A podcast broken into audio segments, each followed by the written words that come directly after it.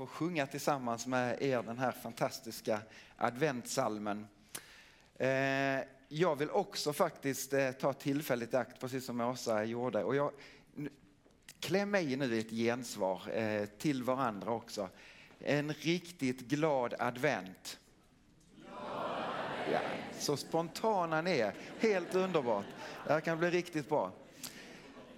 Visst är det något speciellt att stiga in i advent. Vi kan ha olika känslor och olika upplevelser kring det, men, men många är det nog som ändå stämmer in att det är något speciellt att, att stiga in i december, i advent. En tid som, som vi kanske förknippar mycket med förberedelser, men kanske också med förväntan och, och någonstans en glädje som liksom sprider sig efter novembermörkret och ljusen får tändas upp och så vidare. Det är också, eh, tänker jag, en tid som tydligt har en riktning framåt. En förberedelsetid inför, inför en av kyrkans absolut största högtider, julen, där vi firar Jesu ankomst. Och jag tänker på det, alla barn och, och alla vuxna som i olika sammanhang öppnar luckorna och på något sätt räknar, inte ner, men räknar upp till, till den 24. En, en tid av riktning och förväntan. Utifrån det och den känslan så har vi satt en, en rubrik för den här gudstjänsten och den här predikan utifrån en fråga.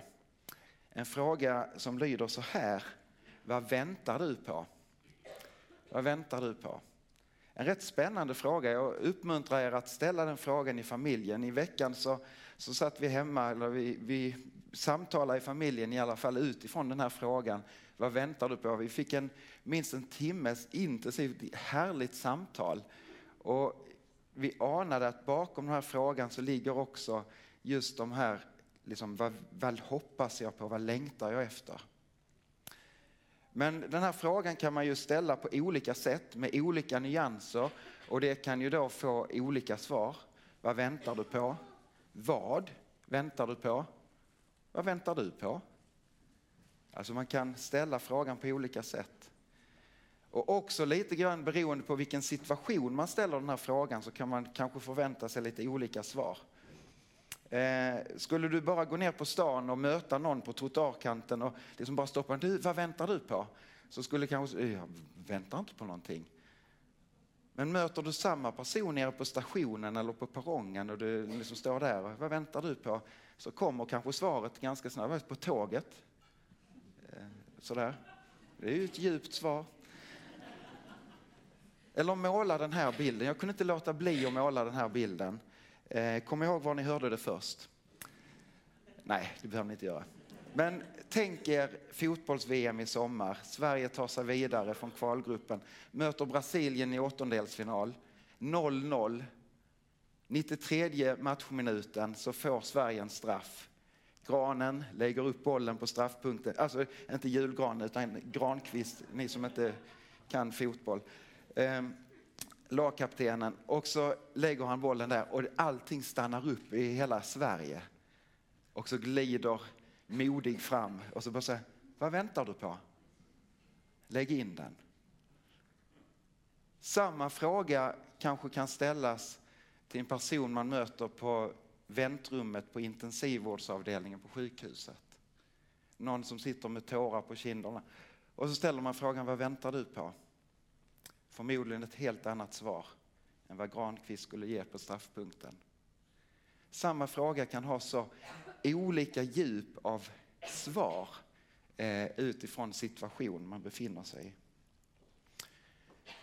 Skulle vi hoppa tillbaka, ha en tidsmaskin och landa tio år innan Jesu födelse i Israel.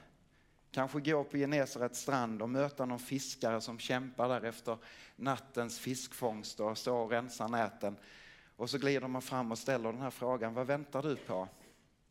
Eller en krukmakare i Jeriko som eh, har kämpat där med lerklumpen och ah, fick börja om igen. Vad väntar du på? Så kanske svaren hade lydit så här någonting. Vi väntar på befrielse. Vi längtar efter att skattetrycket från våra förtryckare, liksom romarna, ska lätta. Att tjuveriet i den liksom skattetekniska delen liksom skulle, skulle bli rättfärdig. Vi längtar efter att Gud ska gripa in och befria oss. Någon kanske hade sagt att vi längtar och väntar på Messias. Guds utlovade räddning för vårt folk och för hela mänskligheten. Någon kanske hade sagt så här, jag väntar på att Gud ska tala tydligt igen. Vi har levt 400 år utan att profetorden liksom har varit levande utan vi får läsa om dem. Vi håller fast vid löftena men jag längtar efter ett färskt gudstilltal. Att himlen inte ska vara tyst utan att himlen ska öppna sig på nytt. Några år senare, om vi nu tänker oss tio år innan Jesu födelse, så börjar det röra på sig. Profetorden börjar komma och någonting är på gång. Änglabesöken, Maria som får änglabesök, Elisabet som får änglabesök, Josef och Sakarias. Ett budskap ifrån himlen, nu är tiden inne. Någon ska komma och möta upp i folkets förväntan och väntan. Profetorden är på väg att gå i uppfyllelse. Så den här söndagen 2017, första advent, så får vi läsa ett av de här profetorden ifrån profeten Sakarja. Cirka 500 år före Jesu födelse så talar Sakarja om en händelse som, som kommer att gå i uppfyllelse i och med Jesus. Vi läser ju inte evangelietexterna i kronologisk ordning liksom, som landar i Jesu födelse utan vi läser idag från Matteus evangeliet samma text som vi läser på väg in i påsken när Jesus rider in i Jerusalem. När han rider in i Jerusalem så går, och det säger ju på något sätt Jesus själv i den här handlingen, så går Sakarja profetord i uppfyllelse. Jubla dotter Sion, jubla för nu är det på gång. Nu kommer freden och fridens härskare och konung att rida in i Jerusalem. Så jubla. Han rider in för att ställa saker och ting till rätta. Han rider in för att förmedla frid och fred.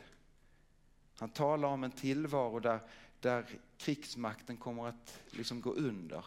Ett aktuellt budskap också för vår tid i allra högsta grad. Han rider in för att vara just svaret på, på folks förhoppning, förväntan eller väntan. Vad väntar du på? Och någonstans så kan vi ana att det finns människor i Jerusalem som kanske säger nu är han kanske svaret på, på vår väntan. Väntan är på väg att gå i uppfyllelse. Så mottog folket Jesus och många säkert på Jerusalems gator. Många kanske bara stämmer in i, i det här välkomnandet av vallfärdarna som är på väg upp till Jerusalem högtiden. Men många känner igen Jesus. De har sett honom göra under, de har hört honom undervisa med, med makt och kraft som liksom har förvandlat liv. Och så jublar de. Hosianna, Davids son, välsignad vara han som kommer i Herrens namn. Och de strör ut sina kläder på gatan och knyt, bryter palmkvistar och, och viftar med och hyllar konungen när han kommer ridande på en åsna. Första advent 2017. Vad väntar du på? Vad väntar du på? Vad längtar du efter och vad, har du, vad hoppas du på? Jag skulle vilja ge den här hälsningen till dig och mig. Att gör som folket, välkomna Jesus. Välkomna Jesus in i ditt liv här och nu, i din situation. Jesus är oerhört intresserad av ditt liv, var den befinner sig. En av adventsalmerna som vi sjunger bär, eller som vi kommer att sjunga, bär också den här bönen. Låt hjärtat öppna sig, bjud Kristus hem till dig. Idag vill han dig gästa och sitt förbund befästa. Hosianna pris och ära, var konung är nu nära. Lev med ett öppet hjärta under advent och var välkomnande. Bjud in Jesus och säg kom, stig in. Kanske det är på områden i ditt liv där det har känts tyst länge. Kanske du likt någon på Jerusalems gator inte riktigt vet, ja men vem är den där Jesus? Jag, jag, vi har hört lite om honom, men, men jag har jättedistans till honom. Du kan också bara få öppna ditt hjärta, stig in. Var nyfiken och välkomnande. Kanske det är ett område där det gör ont. Där du kanske har haft sorg länge. Eller där du har känt dig bunden länge. Åsnorna som stod bundna i Jerusalem. Jesus sänder lärjungarna in och säger lös upp knutarna och för dem till mig. Och så stiger Jesus upp, sätter sig på åsnan och rider in. Tänk om vi skulle vara lite mer som åsnan. Välkommen upp. Sätt dig på min rygg, Herre. Jag vill bära dig i mitt hjärta. Och jag tänker att eh, Jesus är densamma idag som i alla tider. Han vill rida in i ditt och mitt liv för att ställa saker och ting till rätta. Han vill komma med frid och han vill komma med fred, precis som han alltid vill. Och han vill vara svaret på din väntan och din förhoppning. Men sen är det ljuvligt också att påminna sig i den här första advent att det inte bara är ett perspektiv här och nu. Det är det. Men vi har också ett evighetsperspektiv som sträcker sig så mycket längre och som är så mycket viktigare än faktiskt bara här och nu. Vi väntar också Jesus tillbaka. Att inte komma som det nyfödda barnet utan komma i sin härlighet som han äger. Där ingen kommer någonsin kunna tveka på vem han är. Herrarnas herre och konungarnas konung. En dag kommer han att stå på den här jorden igen i synlig gestalt. Och så är vi välkomna in utifrån hans andra ankomst, in i en tillvaro som stavas en tillvaro utan gråt, utan klagan, utan saknad, utan i fullständig frid och fred.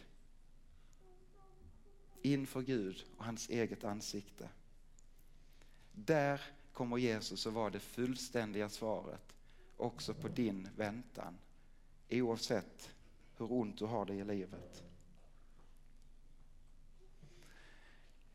Och jag vill vara med och vara en del av det folket som välkomnar honom den dagen. Att jublande stå där, Hosianna. Välsignad var han som kommer i Herrens namn. Måtte kyrkan vara vaken. Paulus han skriver så här i Romarbrevet.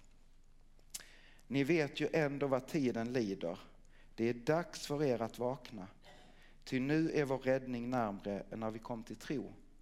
Natten går mot sitt slut och dagen är nära. Sen Paulus han skrev ner detta så är vi 2000 år närmre. Så att det närmar sig för varje dag. Måtte vi hålla oss vakna. Och så handlar advent, och inte bara advent utan hela livet, om honom som är svaret. Honom som vi redan har fått välkomna i och med julen, i och med Maria som för 2000 år sedan i runda tal fick sitta med ett nyfött barn i sin famn. Det handlar om honom som inte bara var en gåva till Josef och Maria utan som var en gåva till hela mänskligheten. Jag anar eller funderar på om Maria och Josef visste vilket barn de höll i sin famn trots att de hade fått hälsningen från änglarna innan. Kunde de ana vilken enorm betydelse det här barn kommer att få för hela mänskligheten. Vad väntar du på? Låt Jesus vara en del av svaret på den frågan. Ska vi be tillsammans? Jesus Kristus, vi tackar dig för att du är densamma genom alla tider. Vi ber att vi under den här adventsperioden skulle få, få lägga saker och ting bakom oss och ta ett nytt avstamp inför ett nytt år, inför nya dagar som kommer. Ber Herre att vi skulle få modet och kraften att, att öppna upp vårt hjärta ännu mer för dig. Också in i de områdena som gör ont och som vi inte får ihop i våra liv. Tack för att du inte ryggar för någonting Jesus, utan du står där med din utsträckta hand och ditt kärleksfulla, jag älskar dig mitt barn. Vi lägger våra liv i dina händer och vi vill glädja oss, glädja oss med hela din kyrka för vem du är. I Jesu Kristi namn. Amen.